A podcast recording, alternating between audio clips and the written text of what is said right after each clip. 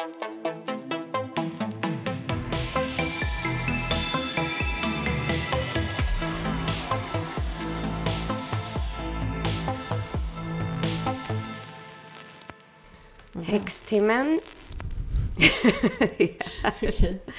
Välkommen till Häxtimmen.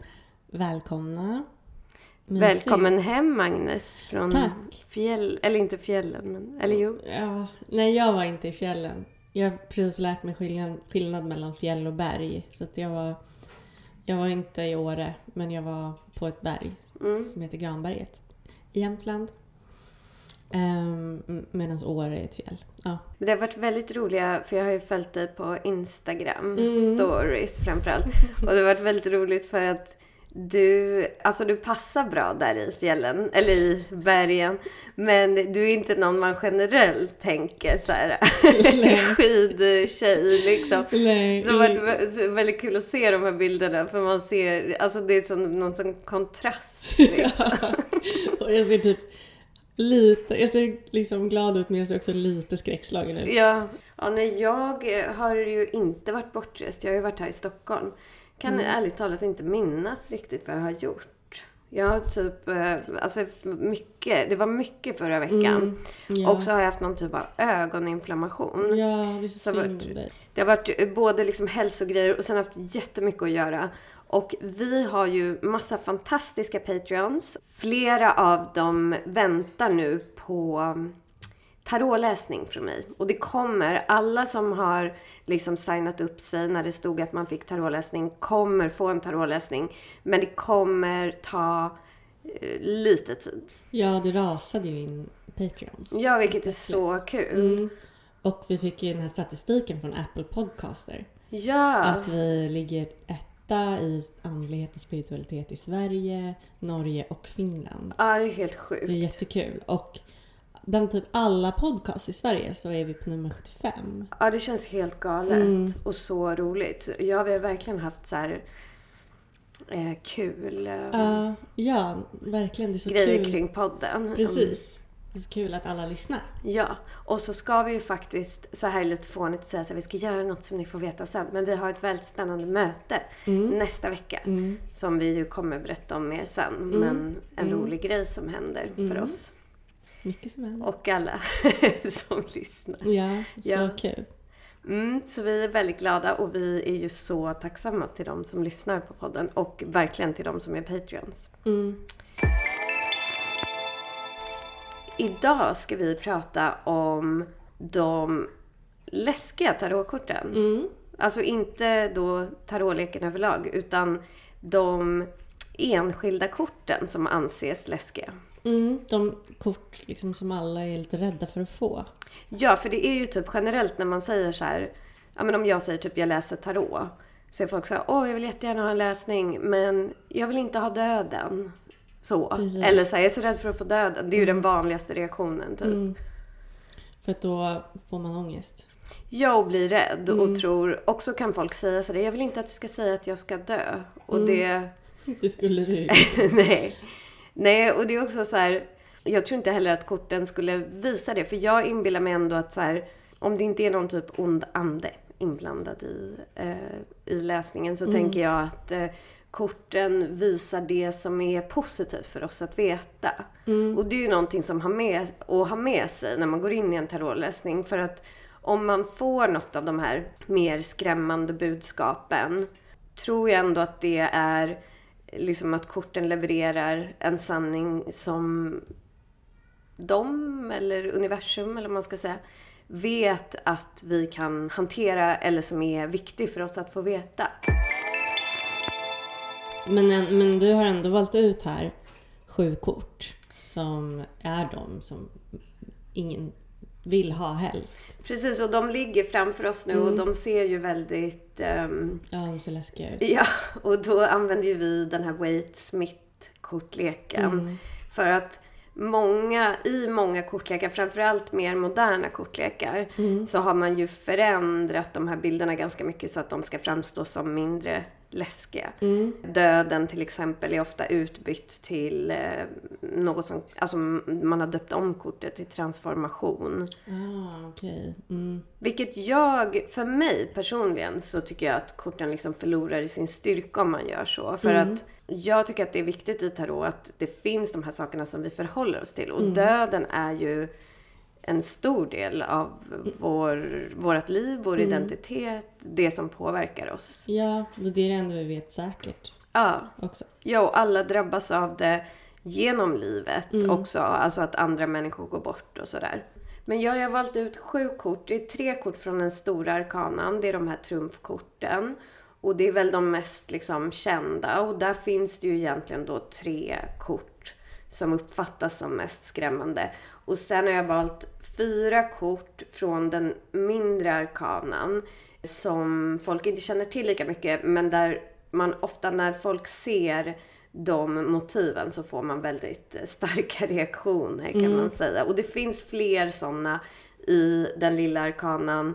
Men jag har tagit de som kanske är mest brutala så kommer vi gå igenom vad de betyder. Och vi kommer ju gå igenom alla de här korten, vad de betyder, varför de ser så läskiga ut, varför de kan bara visa läskiga saker, men också vad de, de kan betyda. För alla har ju flera lager. Mm. Mm. Och, och det känns ju... Eh, ja, men de här är ju valda för att när man får dem så känner man ju så här, åh nej, vad läskigt med att få djävulen. Ja, Men, och därför vill vi prata lite om mm, liksom, hur man ska... Att man inte bara behöver känna så. Nej, eller precis. vad det innebär att få djävulen. Eller kan innebära. Och sen, så, sen vet inte jag, alltså vissa säger så här, det finns inga bra och dåliga kort. Och det är ju sant, så här, det finns inga dåliga kort. Men det finns ju kort som kan visa saker som vi uppfattar som dåliga. Även om de är, det är viktigt för vår utveckling. För livet är ju inte bara kul.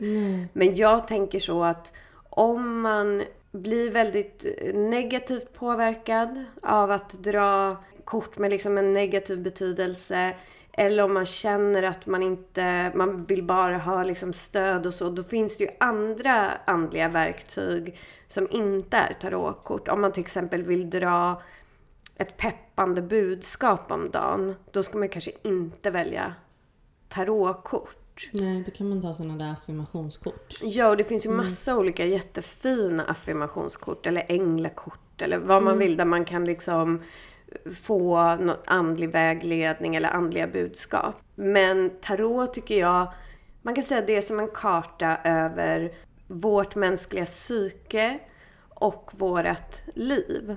Och då ingår ju både liksom negativa och positiva saker. Eller svåra och bra saker. Så det är ju något man måste vara beredd på när man går in i en tarotläsning eller köper tarotkort. Ja, precis. Och som du säger, det är ju en del av livet och det är därför de korten är med i tarotleken. Och tarot handlar ju liksom om en själslig resa. Och det kan ju inte bara vara att det ska vara ljus hela vägen. Nej, och sen så finns det en annan grej. Om man känner att man vill jättegärna hålla på med tarotkort, men man vill inte ha så negativa budskap. Då kan man fundera kring hur man ställer sina frågor till tarotkorten. Och då kan man ta, vi kommer ju gå in på döden mer som kort, men om man ska börja ta det som exempel så kan man se, om man ställer frågan så här, när kommer jag träffa en ny partner? Och så drar man döden. Då är ju det ett ganska liksom, eh, opeppande budskap. Att svaret är typ nej. Eh, eventuellt aldrig, känner man då. Men däremot om man ställer frågan så här. Hur ska jag göra för att träffa en ny partner? Och så drar man döden. Då får kortet ett annat budskap. För då, då kan man gå in i det här transformation, förändring. Alltså att Eh, du behöver släppa gammalt. Du behöver förändra dig själv för att släppa in ny kärlek och en ny partner i ditt liv. Och då använder man korten på ett annat sätt. Så att man kan justera budskapen man får genom hur man ställer frågor till korten. Ja, precis. Och det är ju en av styrkan med tarotkort. Att de får en att förändra frågan. Alltså då får en att tänka på en sån, eh, såna grubblerier på ett annat sätt då. Och sen är ju också då, det är det jag tycker är så kraftfullt med de här starka arketyperna. För att om man känner så liksom, hur ska jag göra för att träffa en partner? Så drar man eh, ett kort som heter transformation. Då är det så här, ah, du behöver förändra dig och bla bla bla, sitter man och tänker på det. Medan man liksom möts av den här kraftfulla arketypen död. Vad är det som behöver dö i mig? Vad behöver jag liksom begrava och lämna? Det blir ett mycket Mm. kraftfullare budskap. Mm, det är sant. Och ett, eh, det är klart att det kan, känns läskigt men det kanske är viktigt att kunna ta emot ett sånt eh, hårt kanske då, Ja. budskap. Eh, Alltså, ja precis. Jag hade en sån när jag en gång har jag fått döden och döden varit viktig för mig, det kortet. Det var, jag var i en relation som var ganska så, dålig typ. Eller liksom inte så bra. Men jag var väldigt så här. Jag var väldigt eh, så här, bestämd att den skulle fungera fast den inte gjorde det. Men jag ville liksom hela tiden driva det framåt. Jag ville att han skulle förstå mig och försöka liksom förändra saker. Så hade vi ett jätte hemskt bråk då flera kort faktiskt av de här som jag har valt ut kom upp. Men i alla fall så vi hade en jättehemsk natt liksom med så här dåligt bråk. Och sen så på morgonen så gick han hem och jag bara kände liksom när jag bara stängde dörren bakom honom så bara kände jag så här lättnad att han hade gått. Och så bara så var jag liksom hur ska jag nu gå vidare? Och då eh, satte jag mig med mina tarotkort och la ut ett litet kors. Och då kom bland annat fem i svärd som vi kommer prata mer om symboliserade var vi var nu. Och det är liksom en toxisk konflikt och något som inte är värt att så här, harva runt med. Eh, men då kom döden i rådposition. Att så här, vad behöver jag göra? Döden. Och det var sån release för jag bara kände så här: okej nu kommer jag sörja några dagar, sen släpper jag det här och går vidare liksom.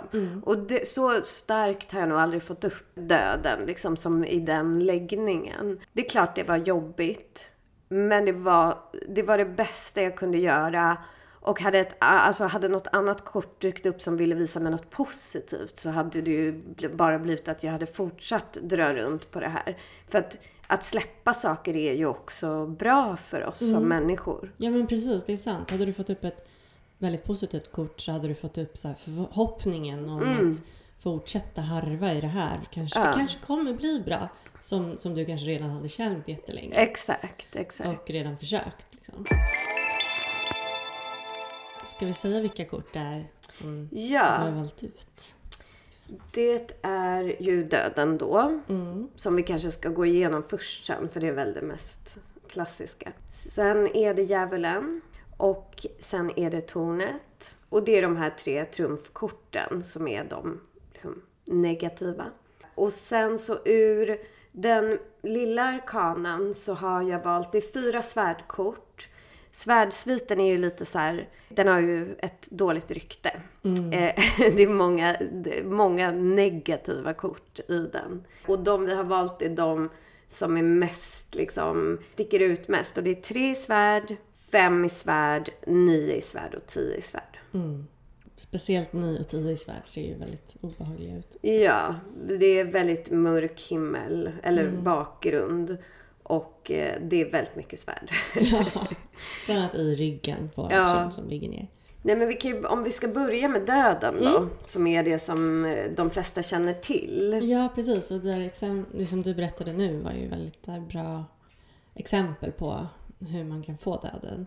Precis, och när döden faktiskt kan vara förlösande. För det är lite det som är kortets syfte i många fall. Det är ju väldigt sällan som döden betyder död. Men vi kan ju förklara lite hur motivet ser ut. Det är ganska brutalt i Waitsmith. Döden sitter i en rustning på en vit häst. Ja. Eller jag antar att det är döden för det är en, ett skelett. Ja, det är ju typ någon slags lieman eller en skelettfigur.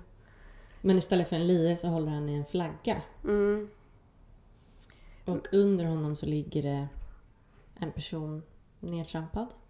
Precis. Det ligger eh, faktiskt en kung är det kan man se. Eh, som ligger död under döden. Kronan har fallit av. Och så framför dödens häst då så står påven. och liksom ber om nåd. Och vi ser några barn som sitter och ber om nåd. Mm. Och lite det här, döden ser ju läskig ut, kommer där inridande på sin häst. Och vad det sägs att de här personerna vill symbolisera. För att vi ser ju då två liksom oskyldiga barn, eh, en kung, en påve. Alltså det, det, kungen och påven är ju personer med ganska hög status, liksom andlig och eh, samhällelig. Och det som kortet bland annat vill säga är ju att det spelar ingen roll vem du är. Alla är lika inför döden. Mm, så att det. det. spelar ingen roll om man är rik eller fattig. Eller alla drabbas av döden och det är no mercy liksom. Mm. Den här flaggan så har döden en... Det ska vara en ros eller vit ros på flaggan. Och det symboliserar ju också någon typ av så här renhet i det här. Att döden har liksom inte, döden är varken ond eller god. Den bara är liksom. Mm. Så den har ju inget, för den har egentligen ingen avsikt mm. utan den bara avslutar. Mm.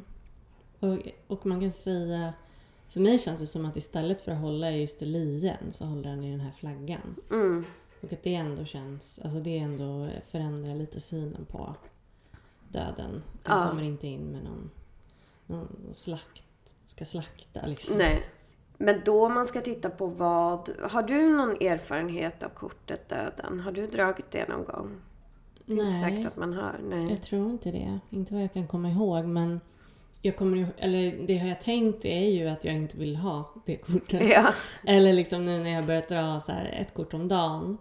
Då har jag ju ibland känt, gud jag vill inte, jag pall, jag tror inte jag, alltså att jag känner mig lite rädd för att dra ett kort. Just ifall jag skulle få typ döden. Men ja, kanske värre med tornet eller djävulen. Men, men då, då sa ju du också, som som är så sant liksom, och bra, att om jag känner så att jag inte kan ta emot ett sånt kort, då kanske jag inte ska dra ett kort bara. För då är jag i fel stämning, eller så fel sinnesstämning. Precis, och sen tycker jag att man kan tänka så här, när man drar ett kort om dagen. Mm. Dels kan man tänka att de händelserna då ofta får mycket mindre liksom, proportioner. Mm. Alltså så här, att döden som dagens kort kanske inte betyder ett relationsavslut eller så utan det är snarare liksom något mindre avslut, att man lämnar någonting. Mm. Man kanske lämnar en stressig jobbuppgift bakom sig. Att man mm. ger upp med den eller att man gör färdigt den och lämnar det eller så kan man också omformulera frågan för dagens kort och mm. fråga vilken energi finns idag? Och då man drar döden, då blir det också det här, okej okay, det är en energi där jag ska Eh, kanske förändra någonting som jag tycker inte riktigt funkar längre. Jag kanske ska förändra någon rutin eller jag kanske ska ja, men just avsluta något som jag har hållit på med länge och liksom se till att jag får undan det och sådär. Men döden som kort betyder ju i grunden att någonting måste försvinna. Och eh, det lämnar ju utrymme för nya saker. Alltså när någonting försvinner och förintas eller liksom tas bort så lämnar det ju utrymme för nya saker att växa. Och då blir det ju en transformation att man liksom man låter delar av sig själv eller av sitt liv dö. Och det skapar ett utrymme för en ny person att växa fram. Men med det sagt så tycker jag ändå att det är inte jätteofta som döden symboliserar att man känner att åh vad härligt att jag låter något försvinna eh, och ge plats för nytt. Utan det visar ofta något som kan vara lite jobbigt liksom att gå igenom. Måste inte vara så, men ofta. Men så att när man får upp döden får man ju titta lite på vilket ämne man läser om, vilken fråga man har ställt. Ofta kanske döden visar avslut av en relation, avslut av ett jobb, alltså att man blir uppsagd eller att man säger upp sig.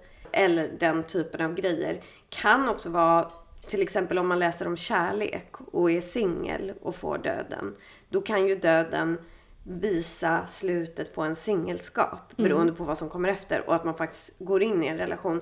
För det är ju inte heller alltid helt lätt att lämna sitt singelskap. Alltså det är saker man ger upp då också. Mm.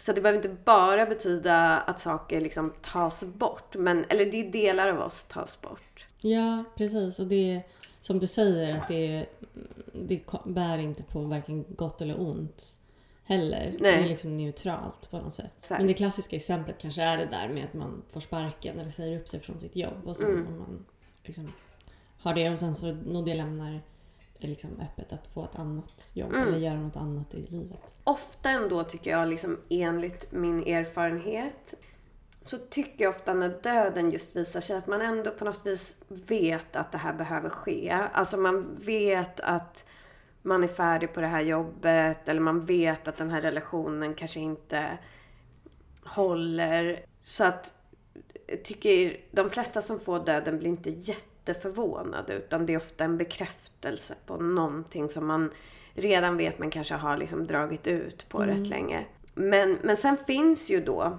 den skrämmande aspekten av döden som väl är Alltså det är klart att folk är rädda också för att få veta att en relation ska ta slut eller ett jobb eller så.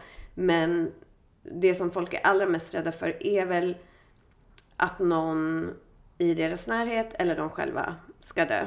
Jag skulle säga att döden i princip, jag har väldigt svårt att se att det skulle visa ens egen död.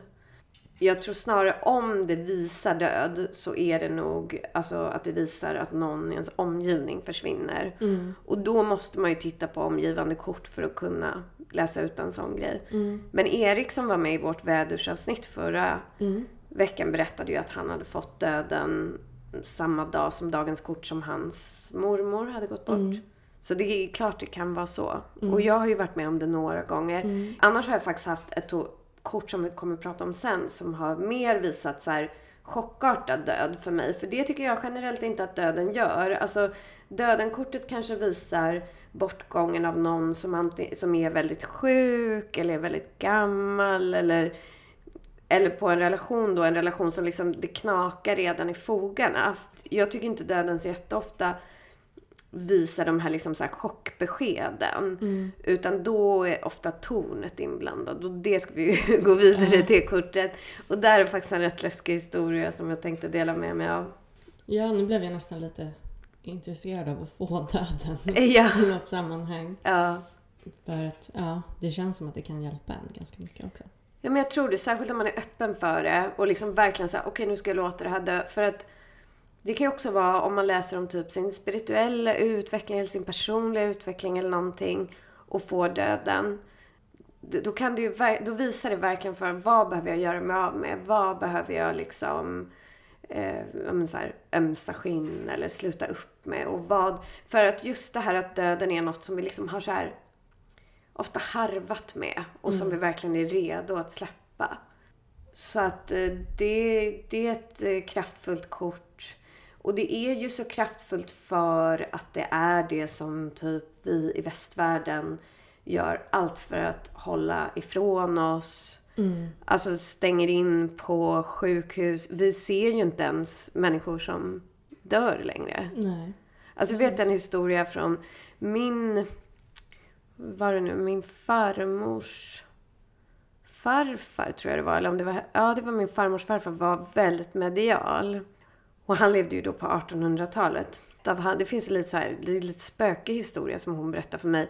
Men den säger rätt mycket om hur snabbt vår liksom, tid har förändrats. Eh, koppling till döden. För då, när han var ung, 17-18 års åldern, så skulle han åka till en, tror han var i Norge faktiskt, och jobba på en järnväg. Och då hyrde han och en annan kille, de skulle hyra ett rum hos en familj och bo, liksom inkvarteras där typ andra kvällen de bodde där så stod eh, det ett stearinljus tänt som mamman i familjen hade tänt åt dem för att de skulle sitta och liksom äta kvällsmat. Han och den här andra killen som jobbade där. Och då så bara släcktes det här stearinljuset av sig själv. Och då säger min släkting då, dottern i familjen kommer gå bort. Och de kommer ha likvaka i det här rummet så vi kommer bli tvungna att flytta härifrån och hitta ett nytt boende. Och det var precis som skedde. Hon var väldigt sjuk och gick bort den natten. Oj, wow. Ja, så det var ju en liten spökhistoria.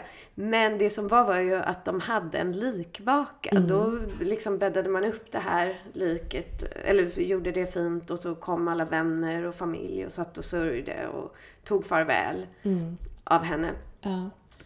Och det tror jag är jätteviktigt Ja. faktiskt. När min morfar gick bort så, så åkte jag och liksom såg honom när han var död. Och det var jätteviktigt för mig för att förstå. Och samma sak med min mormor. Jag hade åkt till henne under hela sommaren varje dag. Hon bor långt ute, typ i Kårsta. Och eh, bara så här för att jag visste att hon var ganska sjuk. Hon var 94. Och eh, liksom i tre veckor kanske när min, när min mamma var bortrest. Och sen kom mamma hem och jag skulle resa bort. Och det är liksom dagen efter att mamma kom hem. Då går min mormor bort och jag är på väg till flygplatsen för att jag ska på semester. Eh, och det är också så här, hon hade ju bara hållit ut till att mamma skulle komma hem igen. Precis. Ja, och då tog mamma en bild på mormor. Alltså det är Mm. ganska grovt egentligen, men och skickade till mig. För jag behövde få se det. Då ser man ju också att hennes själ finns ju inte kvar. Det är bara ett skal. De har lämnat. Ja. Precis, och det, det är någonting förlösande i det. Ja. Ja, verkligen. Och sen så, som sagt, för nu, alltså vi har ju människor som dör, ligger liksom instängda på sjukhus där ingen får se eller komma in. Alltså det, allt sker bakom stängda murar liksom. Vi är inte i kontakt med döden längre. Och i många kulturer så har man ju fortfarande så att man liksom tar hand om de döda. Och, alltså, Precis. Och så här, har öppen kista. Ja, här. ja. Men det finns en annan historia om den här eh, mannen. Och det var när han själv då eh, skulle gå bort. Eller han var frisk och sådär men han var väl i 70-årsåldern eller någonting.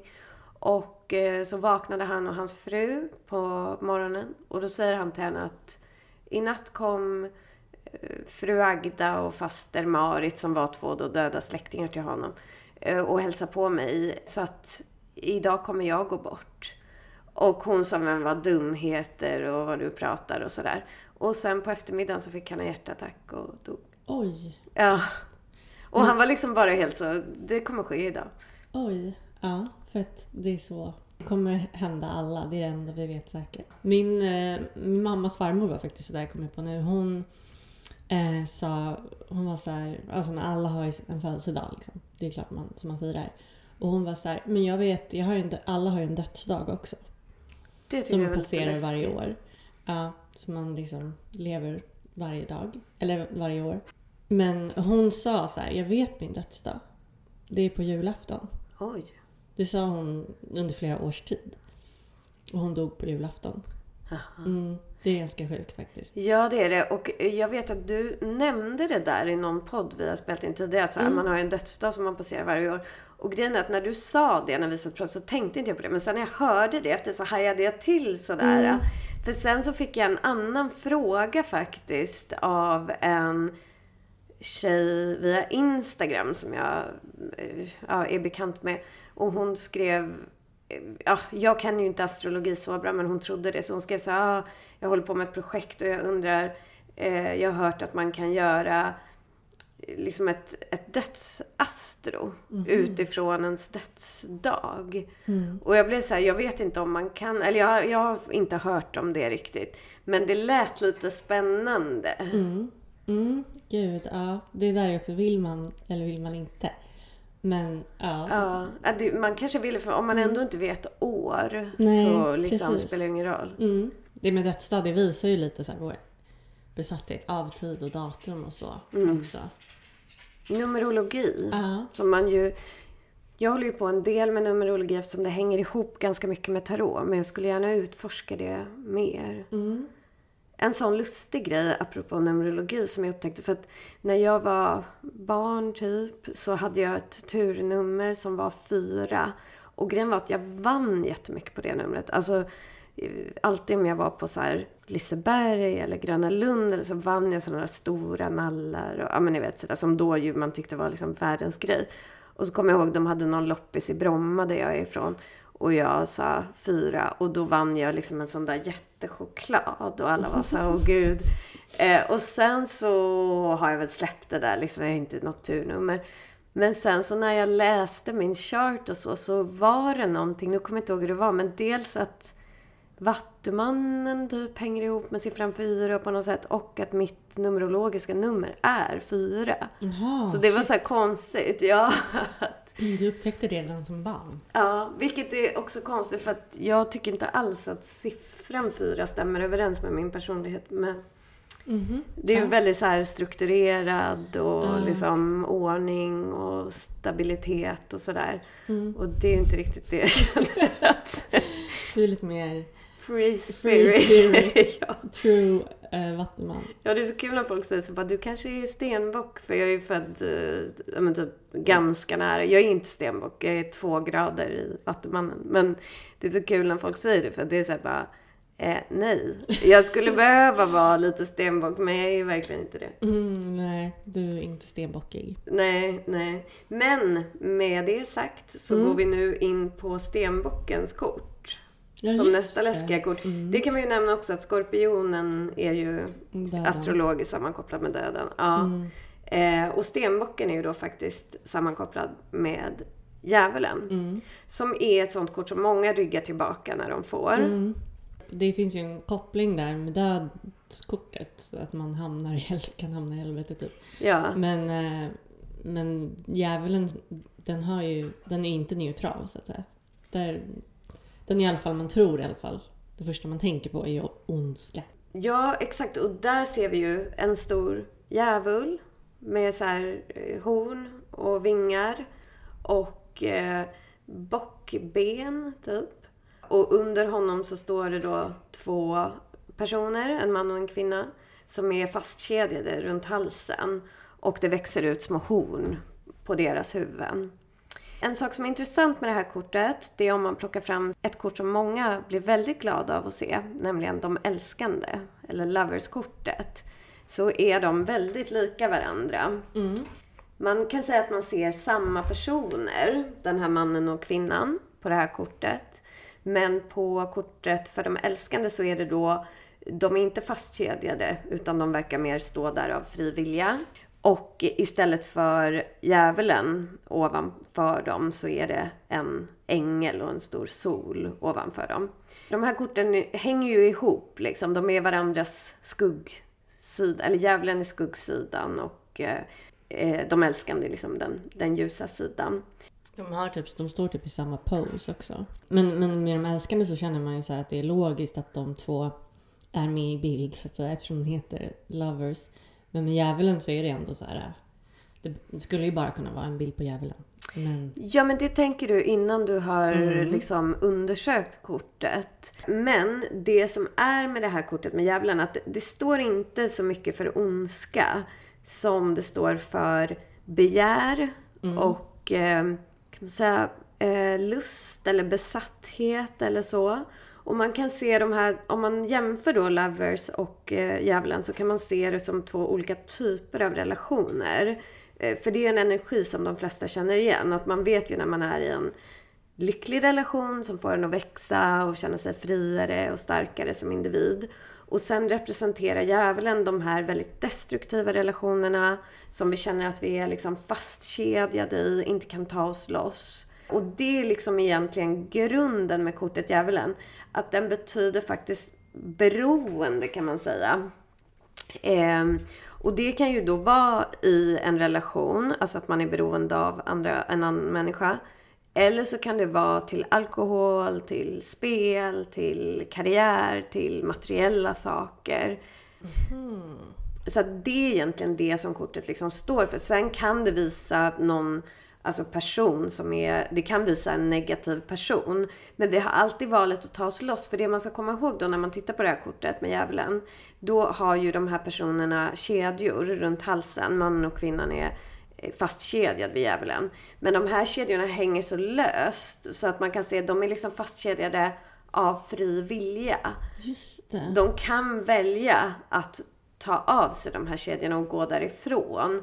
Så att oftast med djävulen så är det inte att man faktiskt är fast i det här utan man har alltid vägar ut. Man måste bara göra det valet och hå- hålla ut. Liksom. Ja precis, de hänger ju så löst de där kedjorna. De behöver liksom bara... Du behöver egentligen bara ta tag i dem och bara dra av dem på huvudet. Men ja, det är det du måste göra också. De måste inse också att de kan det. Och det är ju Kan så om man är Mm.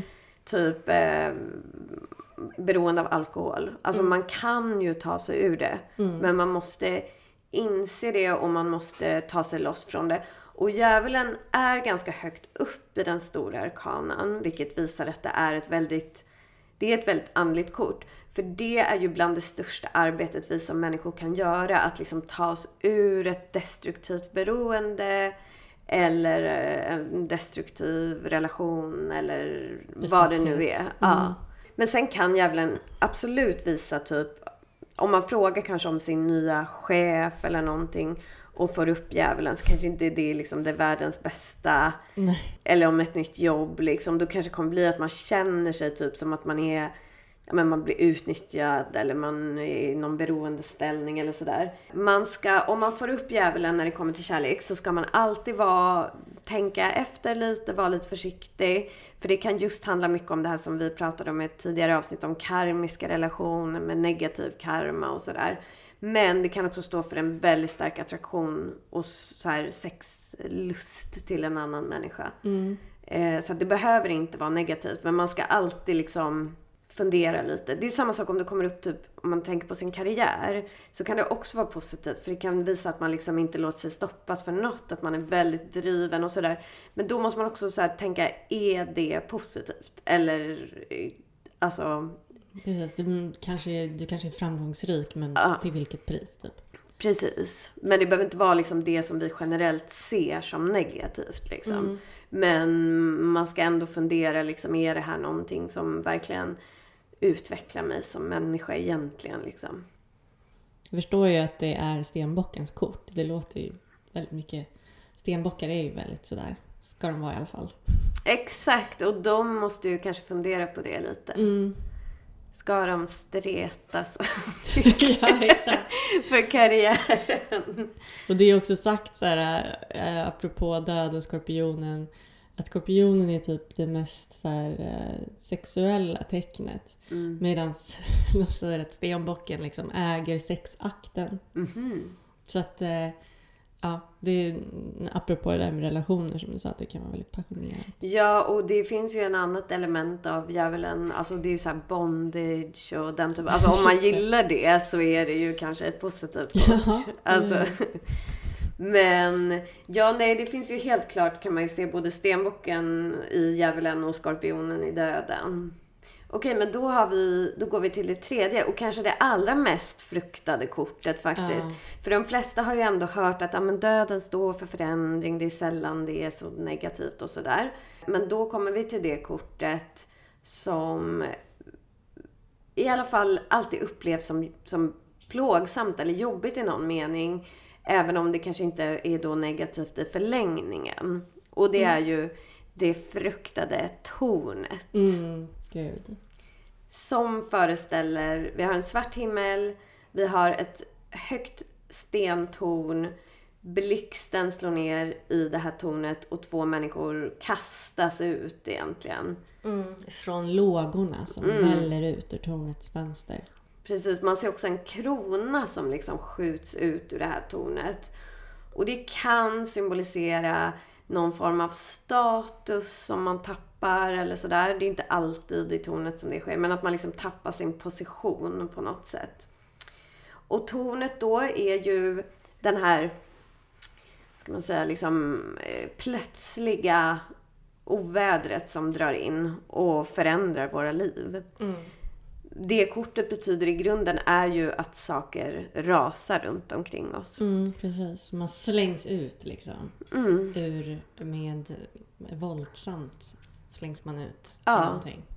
Och det kan som sagt stå för då väldigt läskiga saker. Alltså som olyckor. Ofta tornet.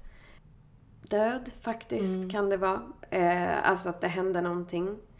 Men det har såklart också andra, andra grejer. Men skilsmässor, att man får reda på att någon är otrogen eller att man får sparken från ett jobb plötsligt eller att man får en skattesmäll. Alltså någonting väldigt jobbigt. Som raserar saker runt oss. Det är ju det.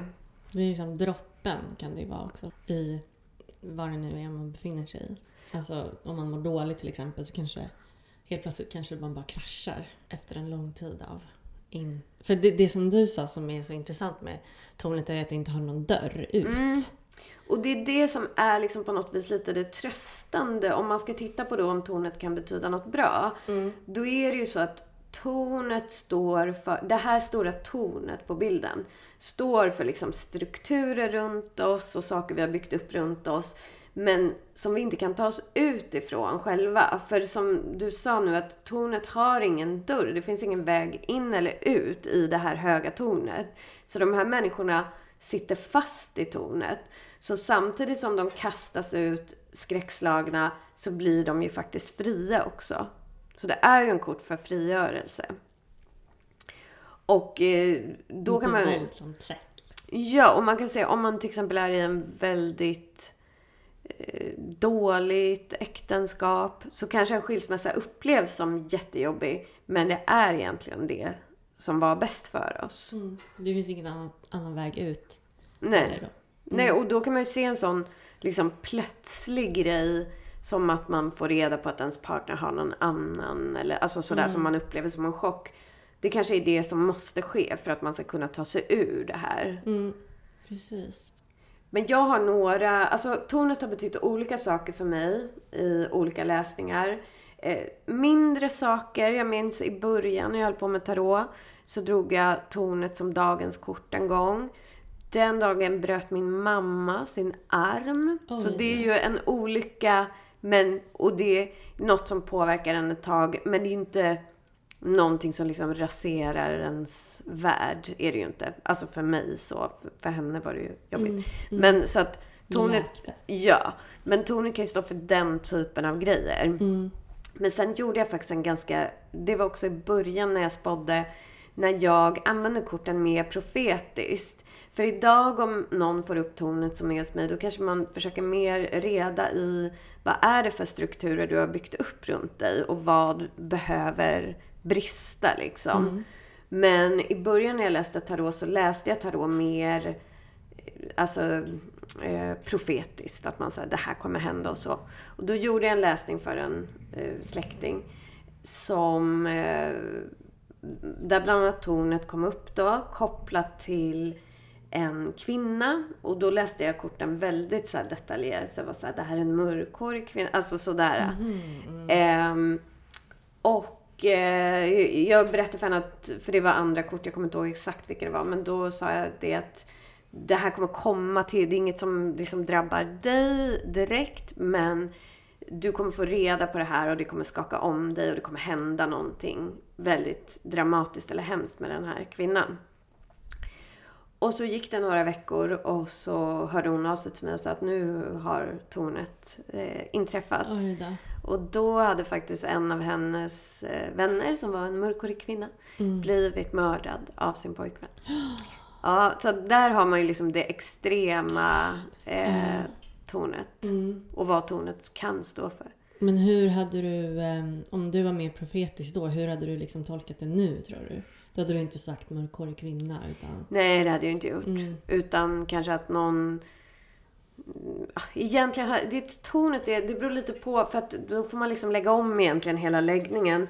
Men alltså tornet kan ju stå för de här sakerna, absolut. Men det är inte det man liksom kanske utgår ifrån. Utan mer eh, saker som, som gör någonting för oss liksom. Mm. Precis, att det inte är så himla bokstavligt Nej. heller. Men sen, har ju, sen sägs det med tornet olika saker som sägs med olika kort. Att tornet handlar aldrig om något som kommer hända långt framåt eller som har hänt. Utan alltid när tornet kommer upp så ska det vara en direkt energi. Alltså att det är något som sker nu. Eh, så att man behöver inte gå runt i flera veckor och vara orolig. Utan man får ganska direkt veta vad det är. Eh, och sen så, alltså jag tycker att de här, de här korten som vi pratar om nu, jag tycker generellt att de oftast kommer upp när man liksom är i en negativ energi. Eh, det känns inte jätteofta som att de kommer när man liksom allt är jätteharmoniskt. Utan om man är på väldigt så här destruktiv energi, då kan man dra tornet. Ja, precis. Som, som de här korten vi kommer komma till. Eh, 10 och 9 i svärd, de fick ju jag. När jag drog dem var när jag var helt uppe i varv och jätte, allting var bara jobbigt. Då fick jag dem och sen så kraschade, det har jag ju pratat om förut, men då kraschade min dator. Och det var samma, typ den timmen som vi skulle lansera podden. Ja. Och typ avsnittet stod och laddades upp på datorn. Typ. Och det är ju så typiskt 9 och 10 svärd. För att det är ju verkligen så här, i 9 så är man inne i den här plågan. Men och då, för att 9 och 10 svärd som vi ska prata om nu. Vi kan bara, innan jag säger det här så kan vi bara säga snabbt hur de ser ut. 9 i svärd är ju en person som sitter i sin säng, det är alldeles mörkt, personen sitter och typ gråter och man ser 10 svärd som, eller 9 svärd som hänger över personen. Och sen i 10 svärd så ligger en person på marken med 10 svärd instuckna i ryggen. Och då är ju liksom, nio svärd är ju när man är inne i det här, du är inne i den här stressen, din dator är på uppehällningen och sådär. Men sen i tio svärd, då kommer ju det här sticket bara, nu är det över. Och det är ju som när din dator, nej nu är det slut. Då, men då händer ju någonting. För att när din dator då dog och gav upp, då släpper jag, då bestämmer ju du det, vad ska jag göra nu? Jag måste gå och köpa en ny dator. Mm, precis. Fram med kreditkort. Ja, och det kanske är jobbigt. Men också så är det det här att då är du inte längre kvar i den här ångesten. Så att tio svärd kan ju faktiskt vara ett förlösande kort. Ja, precis. Istället för att jag satt där och liksom ehm, var helt frustrerad kring att allting verkade inte gick som det skulle. Så, så dog allting så det fanns ingenting annat mer att göra än att liksom börja om så att säga. På Exakt. Ny, ny kula, ny plattform. Ja, då börjar man om och då får man någon typ av energi och man löser saker. Så att jag tycker för många väl, blir väldigt chockade över tio svärd och det är inte kul. Eh, det kortet. Det kan stå också för så här, saker tar slut och det blir inte som man ville. Men som sagt, det öppnar ju upp. För som sagt, det, det kanske var bra att din dator tog slut. Mm. Ja men precis. Och till skillnad från döden då så, så står egentligen inte det där för transformation utan mer Nej, att bara slut. Ja men typ. Alltså det är klart det sker en liten transformation. Man kan säga att tio i svärd kanske mer än döden. Eller de, de är ju väldigt lika varandra. Båda står ju för ett avslut. Men tio i svärd har mer elementet av att någon annan ger oss skada på ett sätt. Eh, döden är det här liksom den här transformativa energin som förändrar allt och alla. Medan tio svärd är liksom man har fått tio svärd i Just ryggen. Någon kanske har eh, liksom sårat oss eller gett oss. Jag tycker tio svärd är väldigt klassiskt kort för när eh, man kanske blir lämnad. Eller mer än döden egentligen. Alltså, eller man kanske om man håller på med något som man vill ska gå jättebra men man känner att det börjar gå dåligt. Och det slutar inte på det sättet som man vill men det tar ändå slut. Så att det finns ändå det här liksom, pew, det är över. Sen ska man komma ihåg på tio svärd, för att på nio svärd så är himlen eller taket eller vad man ska säga, väggarna helt svart. Men på tio svärd så ser vi, då är det först en svart himmel men sen är det en soluppgång. Det är liksom en gul himmel som börjar höja sig. Och där får man in det här transformativa element, eller liksom nybörjan element. Att det är något nytt som kommer nu. Mm, precis. Alltså, tio svärd ser ju extremt grovt ut eftersom ja, man, det är någon som ligger på magen med, med tio svärd i ryggen. Men nio svärd känns ju jobbigare att vara i. egent- Att man är i det, Ja. det hemska. Liksom. Det är som en eh, kompis till både dig och mig sa en gång som jag tycker är rätt klokt att så här, det värsta är typ ångest, undran, eh, liksom stress och plågor som man ser i nio svärd. Men så här ren sorg när man verkligen har förlorat någonting eller har så här, det här är över. Då kan det vara ganska skönt. Alltså när man bara kan gråta ut, känna att nu lämnar jag, jag är skitledsen. Men det finns ändå något rent i det. Det mest plågsamma tillstånden är det här när man liksom undrar, har något hopp kvar, känner oro, känner skuld. Alltså de där Lite så här bitarna. malande konstant. Liksom. Ja. Och det, inte, det känns som att det kommer få ett crescendo eller ett slut. Mm. Som då tio svärd visar att det får. Exakt, och det är ju det man är, när man är i nio svärd, då är man rädd för att det i tio svärd ska hända. Men när det väl händer så är det ändå skönt. Och de andra två korten som du har valt är också i svärdserien. Det är tre och fem i svärd. Vad är det med just svärden som är... Ja, alltså svärdsviten är ju väldigt negativ. Det finns ju fler liksom negativa kort i den mindre arkanan. Men eh, just Vilket svärd, element är det som svärd är? det är luft. Ja, just Och det styr våra tankar och vår kommunikation. Och jag har funderat där, för att de andra elementen är ju jord, vatten och eld. Och jord står ju för vår fysik och även liksom jobb och ekonomi och så. Vatten står för eh, känslor och intuition. Och eld står för passion och vilja. Men sen luft då, när vi ska kommunicera med andra, när vi ska tänka och så. Så är det oftast där vi gör fel. Alltså, Ja. man kan ju vara jätte... Till exempel älska en vän eller en partner i sitt vattenelement. Men man lyckas ändå kommunicera på ett väldigt dåligt sätt. Alltså när vi bråkar så använder vi liksom det här luftelementet. Mm, just det. Ehm, det är ganska miss i kommunikationen. Eller det är väl oftast det vanligaste. Det är det som problem. Att man inte kan kommunicera med varandra. Och det är också eh, våra liksom negativa tankar är ofta det som skapar problem för oss. Att vi känner så här, det här vill jag, men så kommer tankarna in och bara, men du kan inte det eller det här kommer inte gå bra och sådär. Mm, och överanalyserar vad den andra tänker om en eller någonting. Mm. Precis. Så att jag tror att det handlar mycket om det. Sen är en till sak i tarot, för att vi har då tre svärd här och fem i svärd. Och det är faktiskt så att femmorna i varje svit är ett väldigt negativt kort. Det anses vara liksom de värsta korten. Och fem i svärd som kanske inte ser så illa ut när man ser det. Det är det kortet som de flesta liksom som kan tarot tycker är det allra obehagligaste kortet.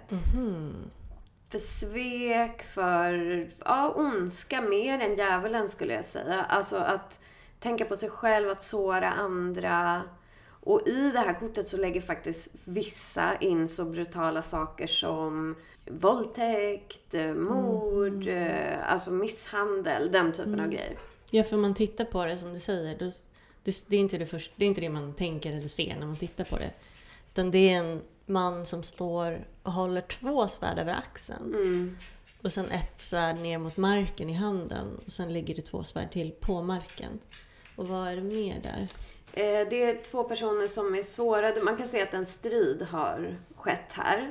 Eh, Den personen vi ser i förgrunden är den som liksom har vunnit striden och det är därför han har alla svärd och de andra går iväg. Eh, men man måste titta här på hans ansiktsuttryck som liksom, det är inte glatt eller någonting sånt utan det är så här mm, slugt på något sätt liksom. Mm, verkligen. Och sen så får man titta på himlen som är stormig. Som visar att det finns liksom inget positivt att få här. Det finns ingen så här resolution typ. Alltså det är bara fortsatt negativt. Men det som är med fem i svärd, som det oftast står för, är ju inte liksom våldtäkt. Utan det är ju kanske oftare att det står för destruktiva konflikter. Som jag berättade om den där eh, läsningen jag la om relation i början. Alltså att där hade vi, vi hade den typen av dynamik, fem i svärd dynamik. Att vi kom ingenstans. Ingen vann våra bråk. Det blev bara, alltså det var bara destruktivt. Och då ska man lämna. Så det brukar jag ta som råd när jag får upp fem i svärd eller någon annan jag läser för att lämna den här situationen eller konflikten. För ingen vinner på att dra ut på den. Mm. Okej. Och, men kan man säga att den liksom leder upp till sex i svärd? Vad är, kan man koppla ihop dem på något sätt? Liksom? Alltså man kan koppla ihop eh, hela sviterna. Men i det fallet skulle man kanske se, alltså för sex i Sverige är ju någon som ger sig av från en dålig situation till något bättre. Så då är det ju lite på något vis att man lämnar den här, med sorg i hjärtat kanske, så lämnar man den här destruktiva tillvaron eller relationen eller vad det är. Sen har vi ju en riktig klassiker. Eh, ett sånt motiv som folk också drar efter andan när de ser. Och det är ju tre i svärd. Som föreställer ett hjärta genomborrat av tre svärd och en stormig himmel bakom. Och det är väldigt tydligt vad det kortet betyder. Det står ju för heartbreak. Mm. Jättesorg. Eh, ja. Ja men det, det är ju inget roligt kort att se. Vad känner du när du Ja, ser det? men alltså jag är ju lite knäpp. Men eh, första gången jag såg det här kortet då tänkte jag mer du vet, så här, du vet ett hjärta med en pil igenom. Jaha, du tänkte Det att man blir kär. Ehm, och för att hjärtat ser ändå helt ut på ett sätt. Mm, Det är så rött och liksom helt. mm, Jag, jag fick inte riktigt den här um, läskiga känslan. Men det är klart, när man tänker till lite så, så ser man ju att det inte alls är något positivt. Ehm, men det sticker ju också ut väldigt mycket eftersom det inte finns några människor eller någonting i. Nej, exakt. Det Bilden. är väldigt symboliskt Mm. och det är väldigt rakt och tydligt. Mm. Liksom. Men det man kan säga om det kortet för förmildrande omständigheter, det är att det ganska ofta handlar om temporära grejer. Och det brukar jag vara noga med att säga när det kommer upp, för att det är inte heller i slutet av... Alltså, varje svit går ju en cykel och då kan man se att 10 i svärd är ju sista kortet i den cykeln. Och därmed så är det ett slut och en ny början. Men tre i svärd är ju början av cykeln. Så att tre i svärd kan ganska ofta stå för kanske så här tillfälliga relationsavslut. ehm, att vi blir avvisade på något sätt. Eller kanske ett bråk i en relation men som faktiskt kan lösas. Så det är inte det här avgörande liksom att du, det här är över, det är slut för dig.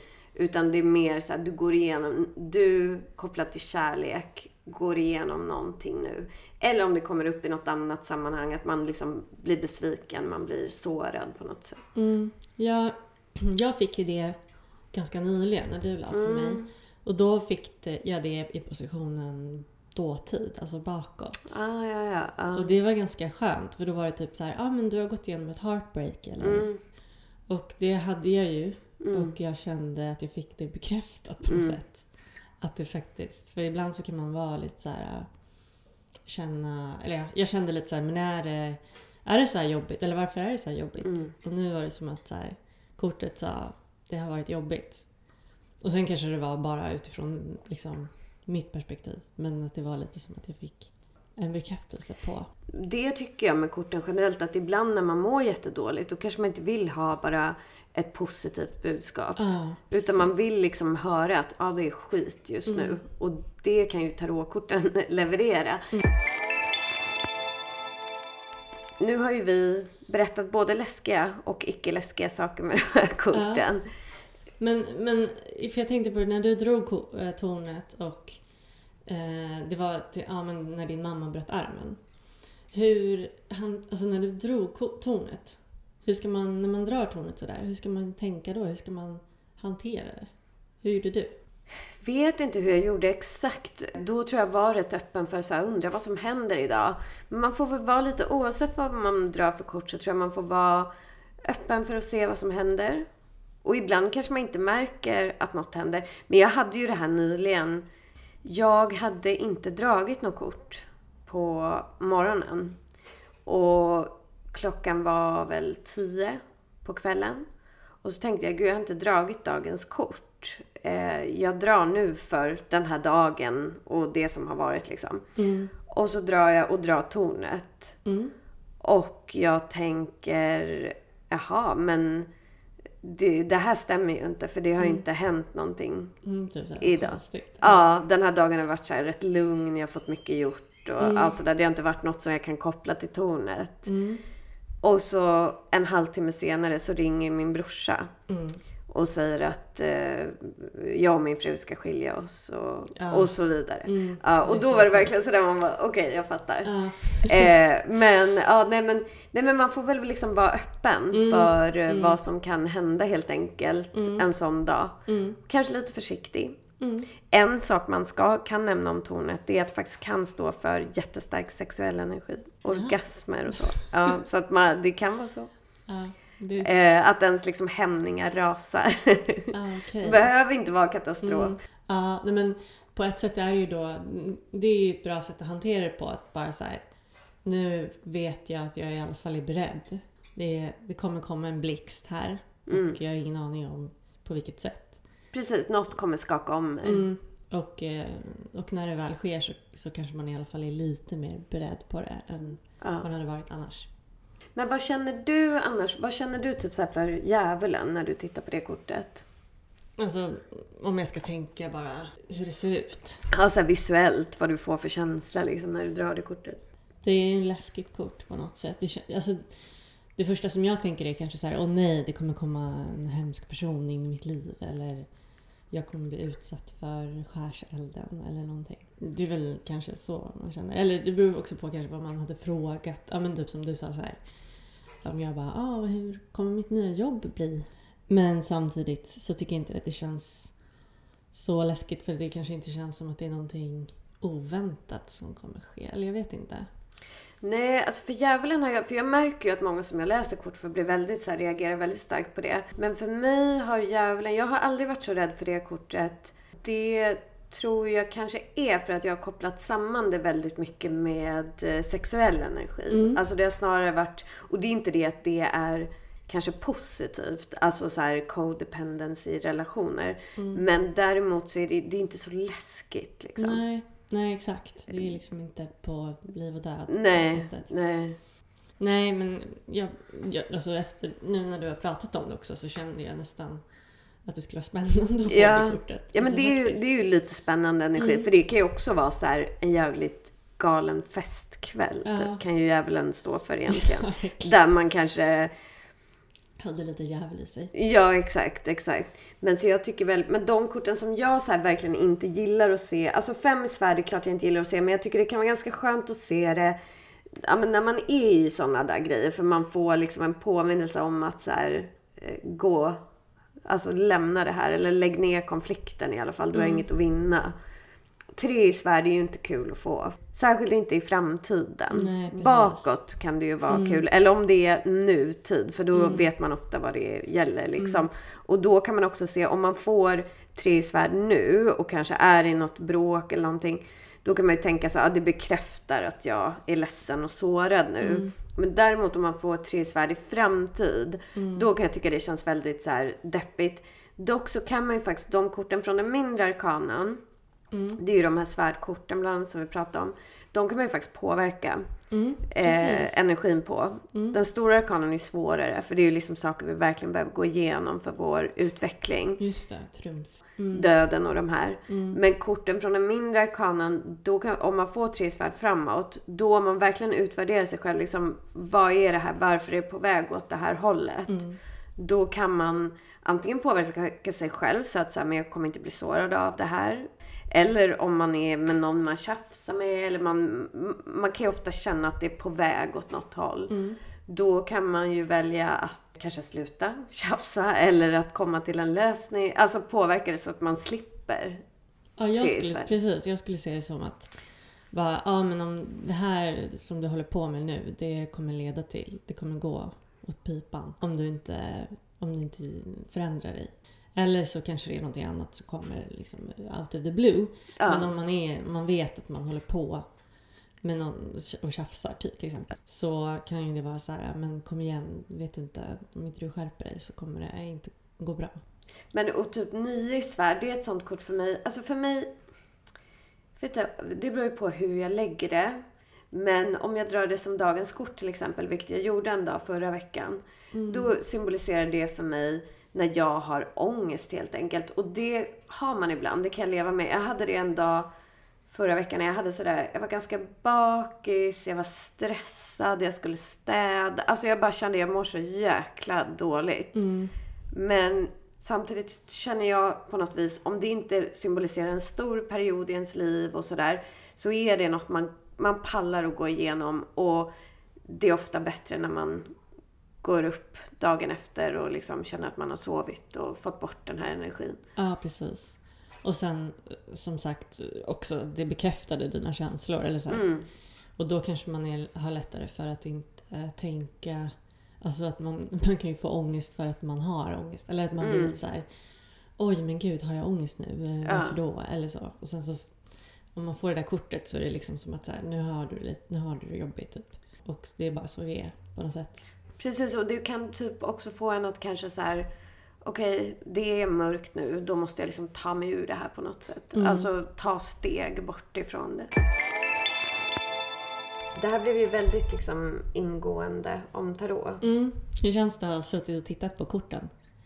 Jo, men det känns spännande tycker jag. Mm, Vad, så vad länge. tycker du som inte tittar lika mycket på kort som jag gör? Ja, ja men jag, jag tycker nog att det känns... Det avdramatiserar lite Mm. att prata om dem och titta på dem. Och att jag inte kommer vara lika rädd för att dra dem igen. Och det handlar väl om att man egentligen inte ska gå runt och vara rädd för livet. Egentligen. Exakt. Det är ju, tarot visar ju livet. Mm. Och saker händer. Mm. Inte bara glädje. Men det finns också med i tarotkortleken. Ja. Nej men det är det, alltså om allt var hela tiden kul så skulle man inte ens tycka att det var kul. Nej, alltså det måste ju vara liksom jobbiga saker också. Mm, precis. Till och med Paris Hilton mår dåligt. Ja. Typ så här, om Britney Spears tog sig igenom 2007 Exakt, så kan du ja. ta igenom det här året. Precis, Mm. man måste tänka, för det, det är något, och det är ju det tarot är typ. Om man tänker tillbaka lång tid sedan då folk inte hade TV. För nu kan vi då tänka att Kim mår också jättedåligt. Det är okej. Exakt. eh, att jag eh, blir dumpad här eller vad man blir. Mm. Men eh, tidigare har ju kanske tarot fungerat mer så också. Mm. Att så här, för det är ju det tarot visar oss också. Att, för det är en viktig sak som tarot har lärt mig och som har hjälpt mig jättemycket. Att, och det är ju tack vare de här tunga korten. Att så här, okej, jag går igenom skit nu.